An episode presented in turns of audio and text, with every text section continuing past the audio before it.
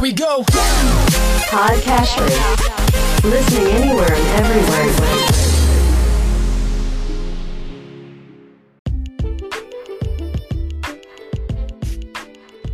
Welcome to Market Outlook bersama saya Ferdian Syahputra dari eSpring Investment Indonesia. Saat ini saya akan membawakan Market Outlook untuk bulan Februari 2020. Seperti biasa, saya akan mulai Market Outlook dari pembahasan makroekonomi global terlebih dahulu. Seperti ditunjukkan pada slide halaman 3, perbaikan dari sisi makroekonomi global diperkirakan akan terjadi sepanjang tahun ini, di mana pertumbuhan ekonomi global diperkirakan akan menyentuh 3,3 persen. Angka perkiraan tersebut tentunya lebih baik dibandingkan pertumbuhan tahun 2019 yang diperkirakan mencapai 3 persen. Selain dari sisi pertumbuhan ekonomi global, pertumbuhan perdagangan dunia juga diperkirakan akan tumbuh lebih baik di angka 3,2 persen dan juga perbaikan dari aktivitas kondisi manufaktur global yang sepanjang tahun 2019 kemarin masih dibayang-bayangi perang dagang nampaknya akan lebih baik di sepanjang tahun 2020 yang ditunjukkan dengan naiknya angka PMI global di akhir 2019 kemarin. Lebih lanjut terkait dengan bagaimana gambaran kondisi global saat ini, terlihat pada slide halaman 4 yang terdapat grafik World Uncertainty Index, yaitu indeks yang menggambarkan tingkat ketidakpastian di level global. Memang harus diakui bahwa pada saat ini, kondisi global sedang diliputi ketidakpastian yang utamanya dipucu oleh perang dagang, kondisi geopolitik di berbagai negara yang memanas, dan mencuatnya penyebaran virus corona. Khusus terkait dengan penyebaran virus corona, pada slide halaman 5, ditunjukkan beberapa fakta terkait dengan penyebaran virus tersebut.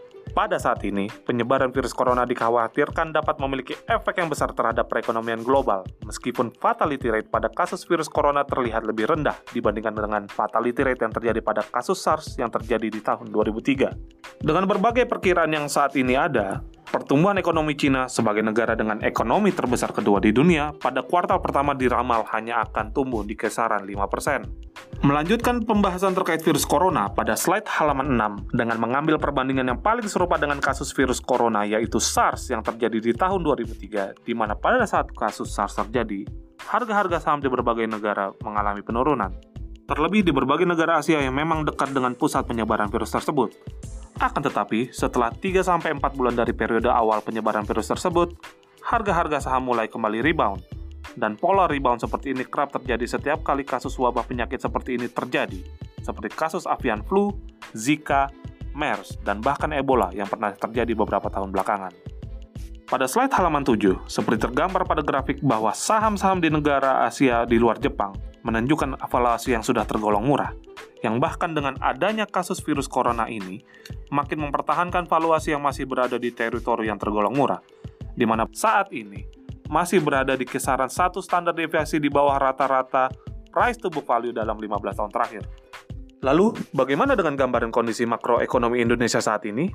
Seperti terlihat pada slide halaman 9, pertumbuhan ekonomi di kuartal 4 2019 hanya tumbuh di level moderat, yaitu sebesar 4,97 persen. Laju inflasi berada di tingkat yang cukup rendah di Januari 2020, yaitu sebesar 2,68 persen. Hal ini menunjukkan cukup terkendalinya harga barang dan jasa dalam satu tahun terakhir. Di samping itu, cadangan devisa yang mencapai 131 miliar US dollar di Januari 2020 dan juga tingkat kepercayaan konsumen yang meningkat pada bulan yang sama. Pada slide halaman 10, terkait penanganan dampak dari virus corona, pemerintah dan Bank Indonesia juga akan mengambil beberapa langkah, di antaranya tetap menjaga kestabilan rupiah, memberikan insentif di beberapa sektor yang terdampak, yaitu sektor pariwisata, perhotelan, dan juga maskapai penerbangan. Dari sisi valuasi, seperti yang ditunjukkan pada slide halaman 11, valuasi IHSG saat ini masih berada di bawah satu standar deviasi dari rata-rata lima tahun, yang berarti bahwa pada saat ini rata-rata harga saham Indonesia masih berada dalam teritori valuasi yang murah.